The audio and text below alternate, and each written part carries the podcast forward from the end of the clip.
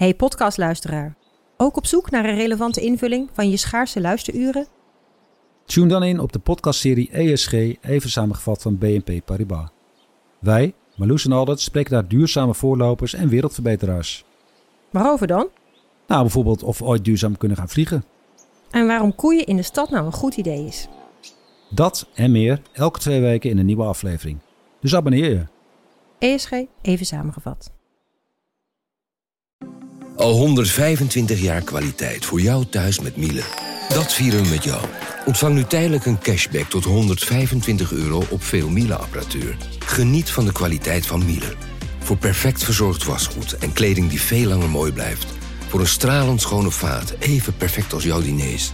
En een stofvrij thuis waarin echt hygiënisch schoon de standaard is. Check miele.nl voor alle feestelijke aanbiedingen.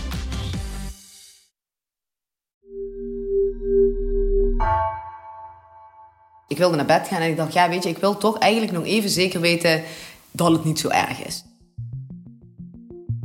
En ik loop naar het einde van de straat en twee huizen voor, voor de hoek staat daar de mevrouw die daar woont buiten. Die mevrouw is midden 80. Die woont daar al haar hele leven en die staat daar in haar nachtjapon buiten. Dus ik denk, wat doet die nou zo laat hier op straat? Ja, zegt ze, Pierre, mijn man, die wil nog even snel de autovuur zetten. Want ja, hij denkt toch, als het dan water is, dan heb ik tenminste de autovuur staan. Dus ik dacht, oké, als die denkt, ik moet de auto voorzetten, dan is er misschien toch wat aan de hand. Dus ik vraag door en ik zeg, ja Maria, ik maak me toch een beetje zorg. En ik ben toch eigenlijk wel bang dat er gaat, gaat gebeuren. Och, kind, zei ze, du hoeft zich Gerard geen zorg te maken. In 1987 is het de laatste keer gebeurd. En toen worden bij ons met het in de tuin niet eens tot aan de trapjes. En toen woont zo'n stuk op. Wie dicht komt echt geen water. Dus ik heb me ook weer omgedraaid en ik ben terug naar huis gelopen. En ik ben gewoon gaan slapen.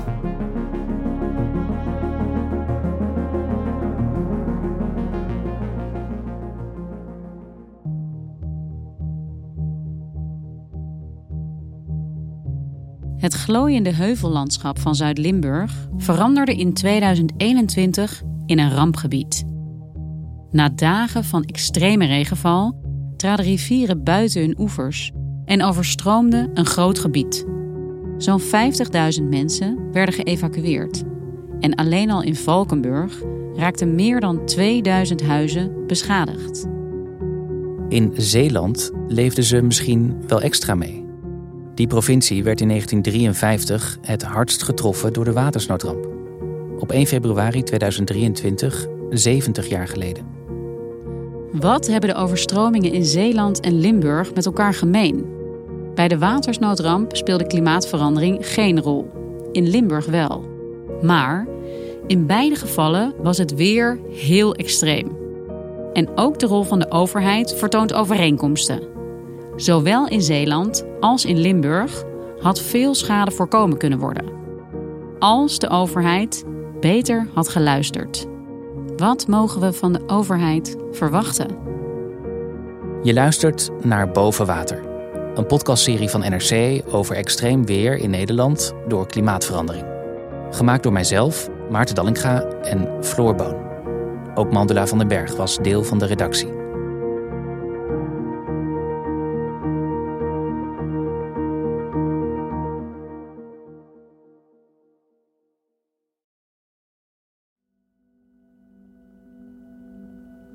Een beetje een brok in mijn keel en een knoop in mijn maag. Dat is wat ik krijg bij beelden van enorme bosbranden, van vliegtuigstrepen, van een auto die minutenlang stationair staat te draaien. Ik denk dan meteen aan klimaatverandering. Ik maak me zorgen over de toekomst en word soms overvallen door een groot gevoel van onmacht. Waarom veranderen we niet of te langzaam? Hoe kan het dat onze regeringen niet veel meer in actie komen? Tegelijk fascineert het me als journalist. Hoe kan het dat wij, media, niet goed in staat zijn om dit grote verhaal van klimaatverandering echt te laten binnenkomen? Het bracht ons tot een zoektocht. Wie is er eigenlijk aan zet om extreem weer door klimaatverandering nog zoveel mogelijk tegen te gaan? Dit is aflevering 2, Cassandra.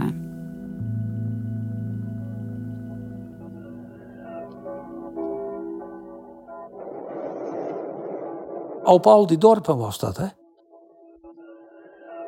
Dat ononderbroken de kerkklok luidde. Dat de dijken doorgebroken waren.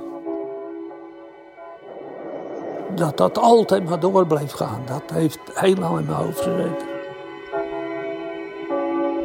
De toon, dat het maar niet stopte.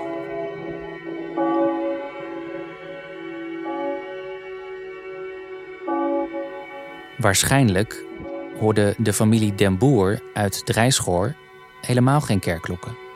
Die bewuste nacht, 1 februari 1953. Zij woonden afgelegen, vlakbij de dijk. Vader Johannes, moeder Cornelia en de vier kinderen. Wim van 12, Anneke van 11, Dim van 7 en Kaatje van 1. En die zijn op een uh, landbouwwagen met trekker gestapt. Om zich te redden, ja het is donker. Komt er een muur van water. Omgekomen.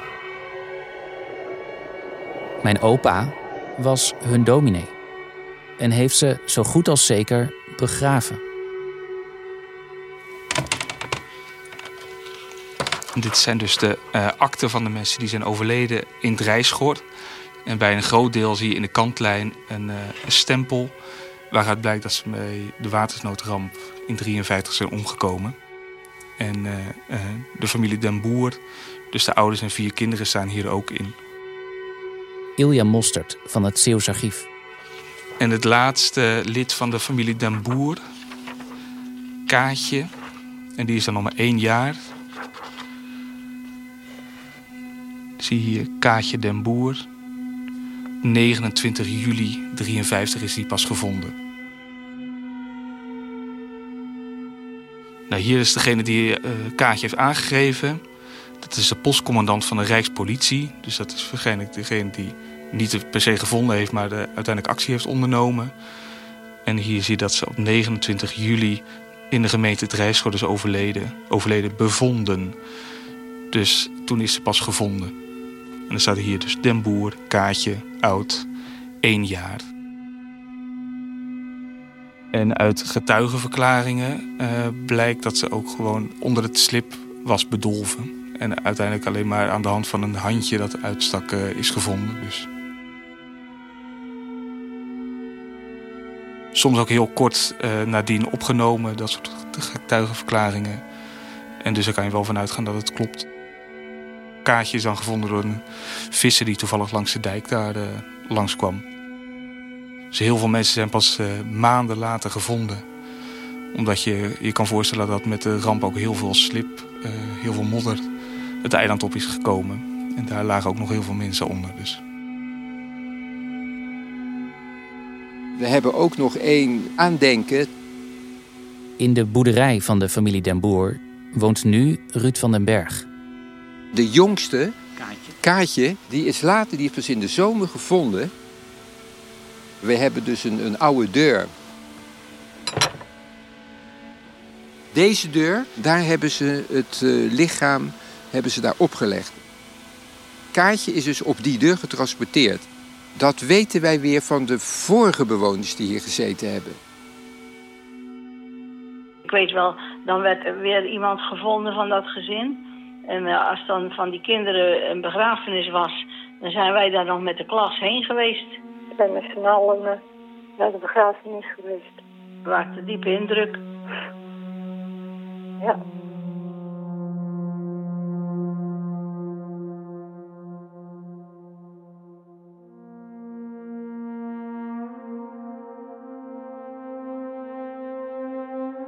Je staat dan in je boxershort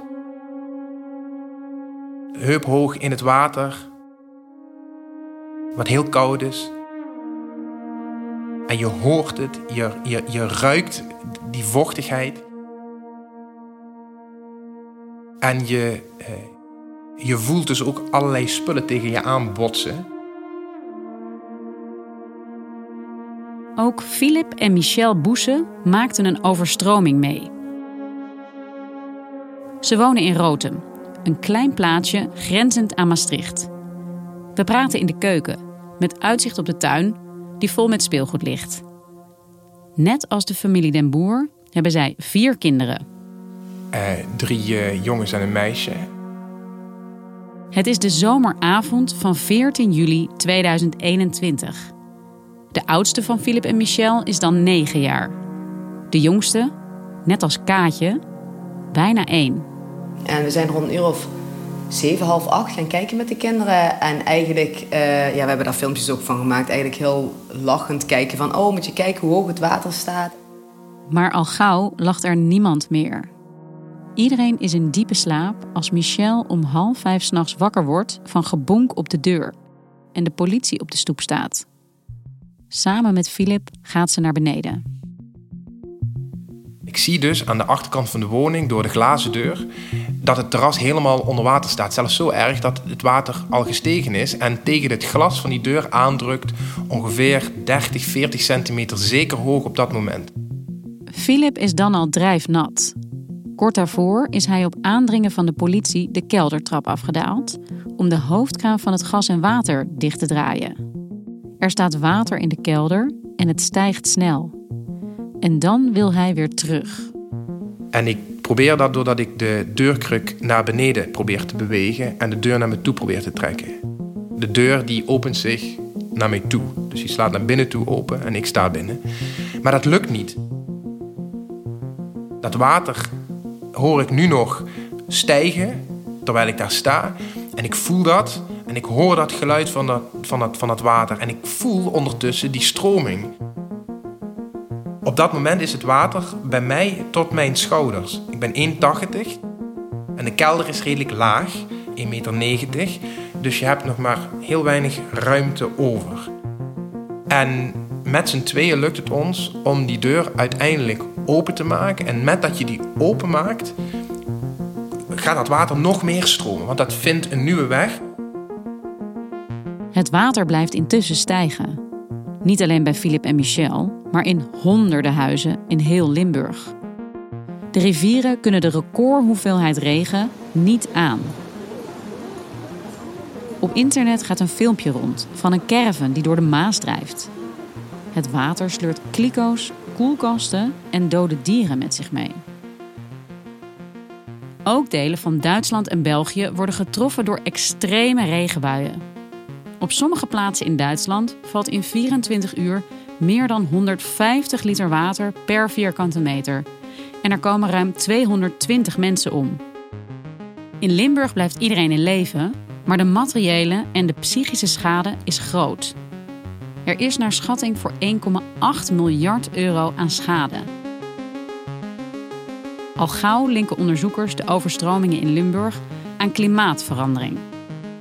Limburg is een voorbeeld van extreem weer wat vaker zou kunnen gaan voorkomen in de toekomst met klimaatverandering.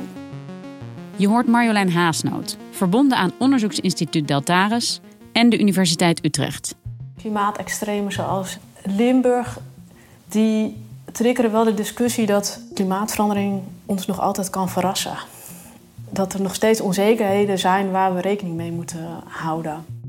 Ondanks die onzekerheden kun je concrete plekken in Nederland aanwijzen die extra risico lopen om te overstromen. Het gevaar komt van zee, van rivieren en van plotse stortregens. Je bijvoorbeeld in een plaats kijken als Gouda. Die rivieren die stromen door polders die ver onder zeeniveau liggen.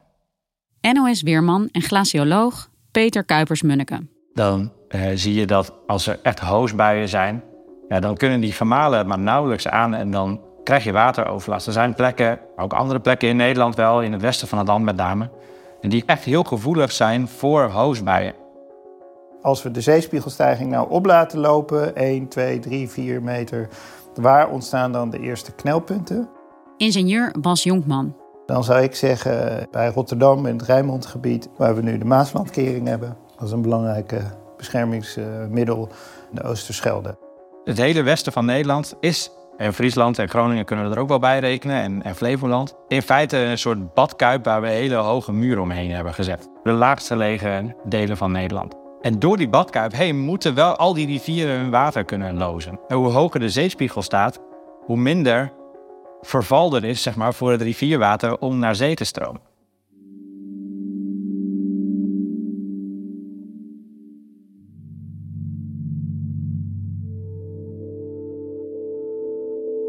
Kantelen, Kenteren. omslaan, Omkeren. omkiepen, Kapseizen. omvallen. Waar denk jij aan bij deze woorden? Aan een kano die, wanneer die te zwaar wordt beladen, onvermijdelijk omslaat. Aan het moment dat een koorddanser zijn evenwicht verliest en niet meer op, maar naast het koord belandt.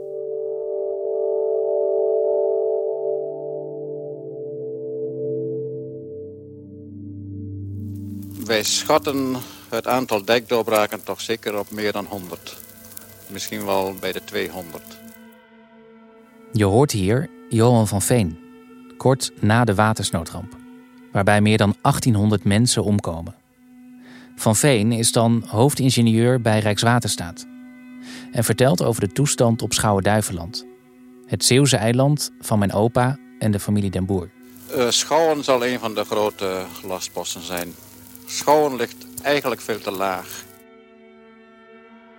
Johan van Veen was niet zomaar een ingenieur. Al in de jaren 30 van de vorige eeuw riep hij de overheid op om Nederland beter te beschermen tegen het water. Hij zag groot gevaar en maakte plannen, maar werd niet echt serieus genomen. Hij noemde zichzelf Dr. Cassandra, naar de mythische figuur die de ondergang van Troje voorzag en ook niet werd geloofd. Eén jaar voor de watersnoodramp zei Van Veen in een interview met Elsevier: Ja, dit kan in Nederland. Een grote watersnoodramp. Maar ze begrijpen er niets van. Het interview werd niet gepubliceerd. De hoofdredacteur vond het paniekzaaierij. Die zegt, het gaat hier dramatisch fout. Hij zegt, het gaat gewoon helemaal mis. Het verhaal van Van Veen is dat van een overheid die niet goed luistert. Je hoort Simco Lauwersen, directeur van het Watersnoodmuseum in Zeeland. Maar die was natuurlijk op zijspoor geschoven op het ministerie. Men had natuurlijk heel veel aan zijn hoofd na de oorlog. En de dijken in Zeeland, ja, dat was niet meteen het eerste uh, wat uh, bovenaan het lijstje stond, denk ik. Kort voor de watersnoodramp kreeg Johan van Veen van de minister van Verkeer en Waterstaat dan toch het verzoek om een plan te maken voor de volledige afsluiting van de tussenwateren, zoals de Oosterschelde bij Zierikzee. Maar dat plan, de basis van de latere deltawerken, kwam te laat. Van Veen ondertekende zijn rapport op 29 januari 1953.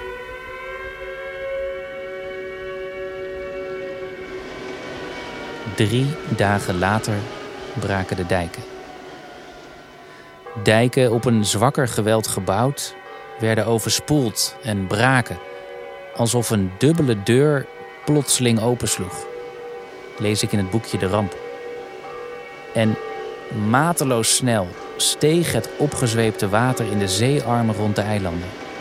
Tot het wild over de dijken sloeg, gutsend de polders vulde en de lage dorpen overviel. Ja, de wagen staat klaar. Eerst die kinderen, jongens. Eerst die kinderen. Hé, jongens, pas op een beetje. Ik wist natuurlijk van Johan van Veen af. En daarin zie ik heel veel parallellen met wat er nu in de wereld gebeurt. Dit is oceanograaf Sjoerd Groeskamp. In de vorige aflevering vertelde hij over hoe klimaatverandering Texel bedreigt. De plek waar hij geboren is. De rol van de wetenschappers, maar niet alleen van wetenschappers, ook van sommige kunstenaars en, en sommige media, die al aan het waarschuwen zijn, maar waar eigenlijk niet naar geluisterd wordt. Bas Jonkman, ingenieur en hoogleraar aan de TU Delft, ziet hetzelfde gebeuren. Ja, helaas zitten de mensen zo in elkaar dat je eerst een gebeurtenis nodig hebt om uh, in actie te komen. Dat geldt voor onze deltawerken na de ramp van 1953. Dat geldt voor New Orleans, ondergelopen na Katrina. Daarna 15 miljard dollar geïnvesteerd, groot dijkensysteem gebouwd. Uh, ja, en helaas geldt dat nu ook voor Limburg. Als het kalf verdronken is, dempt men de put. Dat gold ook voor de watersnoodramp. Door die gebeurtenis veranderde er iets. Nederland werd zich bewuster van de kwetsbaarheid voor het water. En de overheid kantelde. Na de ramp nam de overheid Johan van Veen wel echt serieus. Hij werd secretaris van de Delta-commissie, die de opdracht kreeg om plannen te maken om een nieuwe watersnoodramp te voorkomen. Daarop volgde de Deltawet, waar de Tweede Kamer in 1957 mee instemde. De uitslag van de stemming is dat 106 leden zich hebben verklaard voor het wetsontwerp en 8 tegen. Zodat is aangenomen. Nadat ook de Eerste Kamer akkoord had gegeven, werd formeel begonnen met de bouw van de Deltawerken. Nederlands grootste verdedigingssysteem tegen hoogwater vanuit de Noordzee. Met Johan van Veen als geestelijk vader. De Deltawerken bestaan uit vijf stormvloedkeringen, twee sluizen en zes dammen. Denk bijvoorbeeld aan de Oosterscheldekering en de Brouwersdam. Een staaltje Nederlands waterbouwkundig vernuft. Maar er was wel een ramp voor nodig. De Hollandse IJsselkering is het enige deltawerk dat Johan van Veen heeft kunnen zien. Hij overleed in 1959. De voltooiing van het volledige deltaplan zou uiteindelijk 43 jaar duren. In 1997 werd er de laatste hand aangelegd. Inmiddels zijn de deltawerken deels alweer verouderd. Bijvoorbeeld de Oosterscheldekering. Uh, wetende dat we misschien nog wel een meter zeespiegel krijgen deze eeuw en misschien nog wel meer, dan zou je dat ding nooit op deze manier gebouwd hebben. Peter Kuipers-Munneke. Er is gewoon een, een, een, betonnen kolos neergezet met schuifdeuren, die, uh, zoals de ingenieurs het zelf ook hebben gezegd, wel 30 centimeter zeespiegelstijging aan kan. Met de kennis van nu is dat heel weinig. En je zult dus toe moeten naar een systeem waarbij je niet helemaal weet wat de toekomstige zeespiegel gaat worden, maar wel een ontwerp neerlegt dat adaptief is. Het woord is gevallen: adaptief, ofwel aanpassen. De term kwam vaak terug in de vele gesprekken die wij voerden voor deze podcast. We moeten niet alleen de uitstoot van broeikasgassen terugdringen, maar ons ook aanpassen aan de gevolgen van klimaatverandering. En dat gebeurt ook op allerlei terreinen. Wij noemen dat de primaire waterkeringen langs de kust en de rivieren en het IJsselmeer. Die worden eigenlijk heel uh, structureel versterkt. Steeds alle zwakke plekken aangepakt om uh, de komende 20, 30 jaar uh, echt dat niveau om, omhoog te brengen waar nodig. Dus daar zit het hoogwaterbeschermingsprogramma op. Niet alleen als het gaat om overstromingen, ook op het gebied van droogte en hitte zet de overheid stappen, zegt Maarten van Aalst hoogleraar Klimaat en Rampen aan de Universiteit Twente en vanaf februari 2023 directeur van het KNMI. Bij hittegolven in Nederland vallen vaak honderden extra doden. In 2003 en 2006 was dat nog 1000 à 1500 extra doden. Nadat het hitteplan in Nederland in 2006 is, uh, is ingesteld, zijn er sterkere protocollen, bijvoorbeeld voor ziekenhuizen en verzorgingshuizen. Dat heeft ook al een hoop uitgemaakt. De overheid voert sinds een aantal jaar actiever klimaatbeleid. Maar als je naar het geheel kijkt, gebeurt er te weinig, zegt bijvoorbeeld Marjolein Haasnoot. En waar zijn er soort kritieke keuzes waar je eigenlijk nu al rekening mee moet houden? En als je dat heel praktisch wil maken, dan zit het bijvoorbeeld in het rivierengebied. Wat, ga je doen met die rivieren? En uit het IPCC-rapport blijkt in ieder geval ook dat um, het meer ruimte geven aan de rivieren, dat dat een hele uh, ja, goede maatregel zou kunnen zijn om schade te beperken. Wij hebben daar in Nederland al ervaringen mee. Uh, maar dat zou je dus moeten opschalen. En in de steden zelf rondom hitte is toch ook echt meer het vergroenen en op een andere manier uh, inrichten, zodat je minder hittestress uh, hebt. Nederland moet meer doen om zich aan te passen aan de onvermijdelijke gevolgen van klimaatverandering. En ook doet Nederland te weinig om klimaatverandering tegen te gaan. Daarvoor gebruiken wetenschappers de term mitigatie, die vermindering betekent. Nee, Nederland doet absoluut niet genoeg aan klimaatbeleid op dit moment. Er worden hele mooie doelen gesteld en dat is heel nobel. Maar ik merk dat het klimaatbeleid zo in elkaar steekt dat het echt heel erg technisch zeg maar, gericht is op het reduceren van het CO2-uitstoot. Zonder de daadwerkelijke achterliggende problemen aan te pakken die leiden tot ja, overconsumptie. Er wordt heel erg gekeken met de kaasschaaf als het ware. Van, nou, kunnen we bij de landbouw misschien nog een megatonnetje vandaan halen? En kunnen we dan misschien nog eh, iets slims met de scheepvaart doen of zo? En dan kunnen we daar niet nog een megatonnetje vandaan halen. Maar het is zo dat, dat klimaatverandering en de opwarming van de aarde... Uh, hangt samen met, met ons gebruik van fossiele brandstoffen. En dat is een symptoom van dat wij veel te veel van de aarde vragen. En om dat terug te brengen, zul je moeten ingrijpen in onze verhouding tot die grondstoffen die de aarde ons biedt. En dat vraagt om een heel ander, veel fundamenteler beleid, volgens Peter Kuipers-Munneke. Om klimaatverandering bij de wortel aan te pakken, zal iedereen minder fossiele energie moeten gebruiken. Ik vind ook nu bijvoorbeeld bij de huidige energiecrisis, nou, op mij komt het gewoon heel erg over als uh, last-minute paniekvoetbal het duurt jaren en jaren voordat er programma's versnelde duur, verduurzaming, eh, isolatieprogramma's zo van de grond komen. En dan moet er in één keer in een paar weken tijd. Nou, weet je wat, laten we dan de energiebelasting maar verlagen. En, en uh, laten we dan ook maar een prijsplafond afspreken. En laten we dan ook maar de accijnzen op benzine en op diesel vervallen. Ja, dat zijn miljarden. Hè. Dat gaat echt over tientallen miljarden als je het bij elkaar optelt. Wat je kunt vertalen als een directe subsidie naar fossiele brandstoffen. Nou, daar kan ik me dus heel druk om maken. Dat we aan de ene kant roepen... oh, maar verduurzaming is zo duur en het kost ons handen vol met geld. En tegelijkertijd aan de andere kant van de rijksbegroting... gaat het echt met miljarden tegelijk... Eh, stroomt het geld weg naar ja, de bestaande fossiele industrie.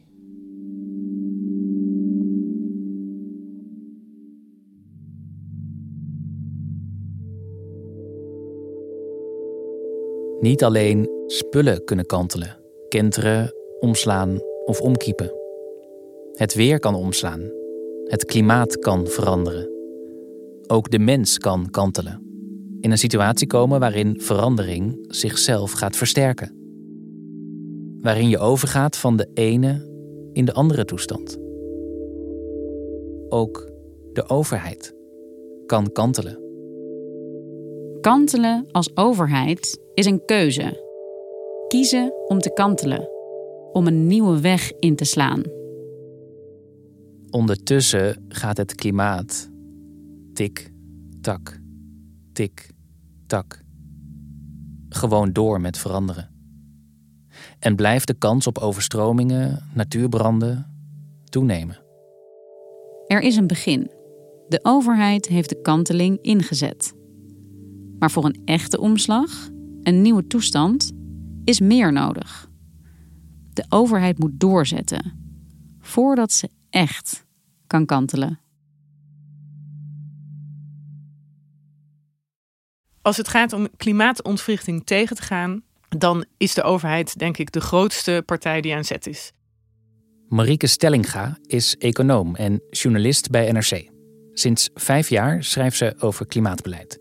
Vanuit de politieke redactie in Den Haag en met een economische blik. Als burger kan je van je regering verwachten dat zij zich houdt aan de afspraken die ze hebben ondertekend, zoals het akkoord van Parijs in 2015. Dat ze in Europa natuurlijk niet goed klimaatbeleid gaan tegenhouden.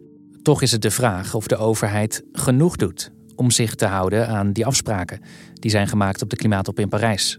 Om de temperatuurstijging op aarde ruim binnen de 2 graden te houden, met zicht op een maximale stijging van anderhalve graad. Ook houdt Nederland zich niet aan het doel dat het zichzelf heeft gesteld. Het verminderen van de CO2-uitstoot met 55% ten opzichte van 1990. Dat doel moet in 2030 al worden bereikt. Het Planbureau voor de Leefomgeving heeft dat in oktober opnieuw doorgerekend. En ja, dan zie je gewoon dat het huidige beleid niet genoeg is om met zekerheid die 55% te halen. Dan moet het kabinet echt een tandje bij doen. Dat was heel troebel water. Eh, van dat bruinachtige, vieze water. Je hoort weer Philip Boesse, die samen met zijn vrouw Michelle en vier jonge kinderen werd getroffen door de overstromingen in Limburg in de zomer van 2021. En ik zie daar iets roods in, maar ik heb die zaklamp vast in mijn hand en ik schijn en, en ik denk van dit is niet goed, dit is bloed. Philip is uit de kelder gekomen en het water stroomt nu ook de woonkamer in. Ik kijk mezelf na en ik roep op mijn vrouw. Ik zeg, Michel, ik zie bloed, bloedje. En ik roep dat redelijk hard. En ik denk dat dat het moment is geweest dat mijn oudste zoon Dien wakker wordt. En dat was niet zo'n fijn gevoel om wakker te worden. Michel heeft zich verwond aan een oude fles en een snee van zo'n 7 centimeter in haar rechtervoet. En het volgende moment zie ik hem dus met zijn knuffelbeer, met zijn haasje in zijn hand, ja, naar achter kijken. En dan ziet hij dus bijna niks, want het is heel donker. Hij ziet wat zaklampen, hij ziet zijn moeder die met haar benen omhoog zit en waar bloed uitkomt. Zij had dus haar hele voet open. Hij ziet mij helemaal nat. En er is wat water al inmiddels binnen in de woning. En voor mij is dat het enige moment wat ik mij zelf kan realiseren. Waar ik mezelf kan betrappen op emotie. Ik zag dat. En dat beeld blijft mij bij.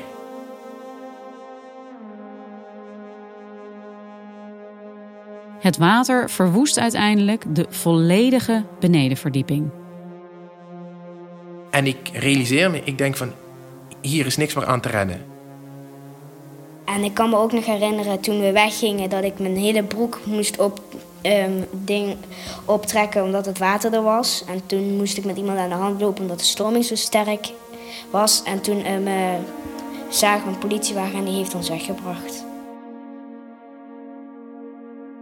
De familie Boese kreeg hulp van politie en brandweer toen ze hun huis verlieten.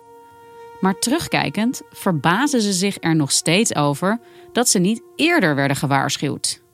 We hebben achteraf nog veel meer studies gedaan ook. Ja, bij dit soort extreme situaties is het heel moeilijk om die overstromingen echt te voorkomen. En dat betekent dus dat je ook moet voorbereiden in, in termen van eh, crisisbeheersing, dus waarschuwen en evacueren van mensen en dieren.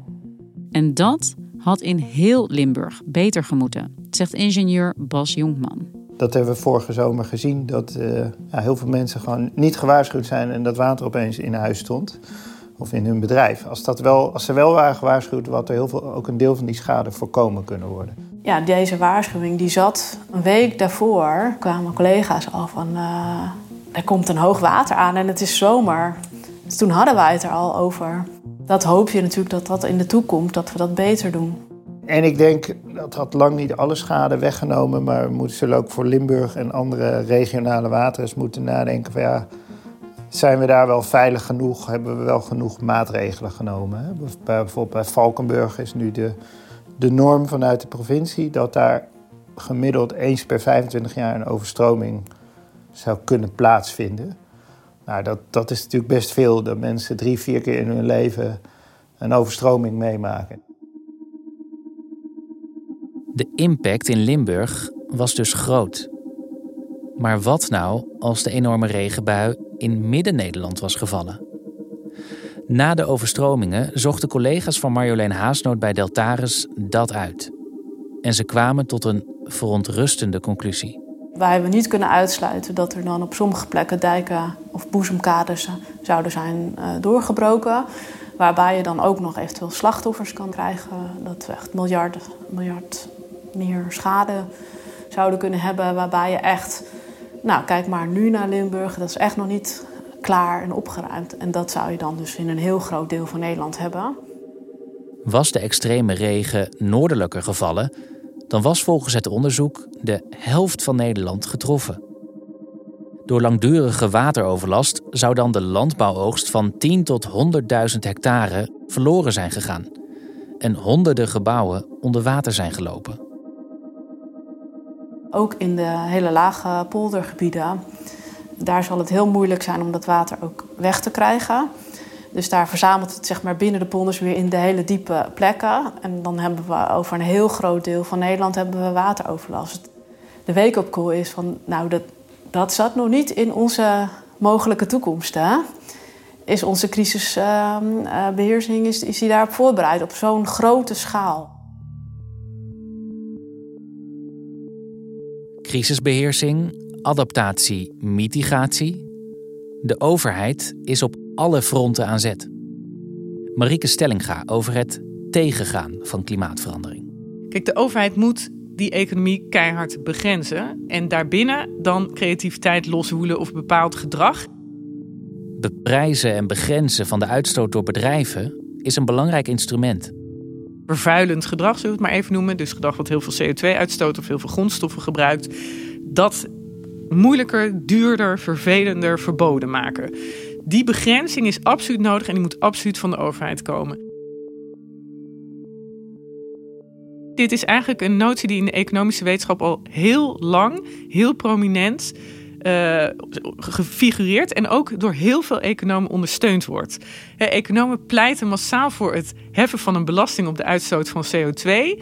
Maar je kan het ook via normen doen. Waarom? Omdat de schade die jouw economische activiteit, of het nou is omdat jij gaat vliegen als consument, of omdat jij uitstotend produceert als producent, de schade die je daarmee toericht aan de wereld, daar staat geen prijs op. Die is gratis. En daarom kan je altijd wat ze noemen free riden. Op, die schade is voor iedereen, de winst is voor jou. Dus eigenlijk maak jij winst over de rug van de aarde of over de rug van het klimaat. Nou, dat moet je beprijzen, daar moet je een grens aan stellen. En dat gebeurt deels ook al. Ja, soms als je mensen hoort praten over het klimaatbeleid dat de overheid voert, dan lijkt het alsof er helemaal niks gebeurt. En dat is een karikatuur. De realiteit is niet zwart-wit. Er gebeurt van alles en steeds meer. Denk aan uitstootbeprijzing, en een aanstaand verbod op auto's die rijden op fossiele brandstof. Maar nog steeds gebeurt er niet genoeg. Nederland kan nog veel meer doen om de kans op ontwrichtend extreem weer te verkleinen. Dit is iets wat catastrofaal is. Van een proportie die buiten jezelf treedt. Je moet je voorstellen, de schade post zonder heel specifiek zijn ongeveer 250.000 euro aan schade. Negen maanden lang kunnen Philip, Michel en hun kinderen niet in hun eigen huis wonen. De moeilijkste periode, echt de zwaarste periode is daarna. Aannemers zijn schaars en om alles vergoed te krijgen moeten ze veel regelen. Die onzekerheid, die tijd erna, die is slopend. Philip en Michel zijn mondig en ze hebben een uitgebreid netwerk. Via de kerk vinden ze tijdelijk onderdak en het lukt ze, dankzij goede contacten, hun huis weer op te bouwen. Maar niet iedereen krijgt dat voor elkaar. Sommige mensen kunnen anderhalf jaar later nog steeds niet terug naar hun eigen huis. Een paar maanden geleden of zo heb ik nieuwe skiles gekregen. Dat dat was echt een droom dat ik zou krijgen. Heb ik van mijn vader en moeder de skiles gekregen en van mijn opa en oma de helm en de beschermers. En toen zijn die in het water kwijtgeraakt. En die zaten ook zo heel fijn. Nu heb ik nieuwe skiles en die zitten niet zo heel fijn als die andere. En dat denk je er altijd aan.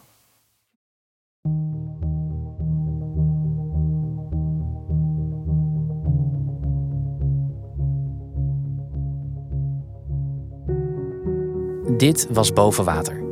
Iedere woensdag verschijnt een nieuwe aflevering. In de volgende, de overheid doet onvoldoende.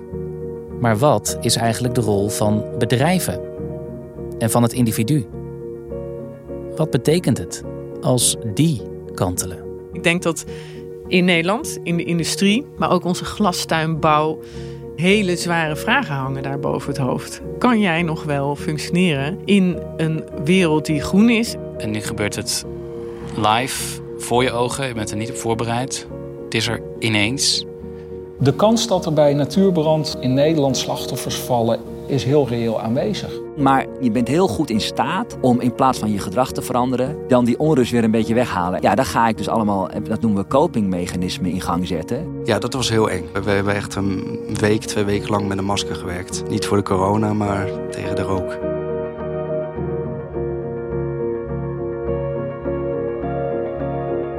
Boven Water is een podcast van NRC. Gemaakt door Floor Boon, Maarten Dallinga en Mandela van den Berg. Montage Maarten Dallinga en audiochef. Muziek Maarten Vos. Eindredactie Mirjam van Zuidam. Chef van de audioredactie is Anne Moraal. Het beeldmerk werd gemaakt door Marijn Hos. Reacties bovenwater.nrc.nl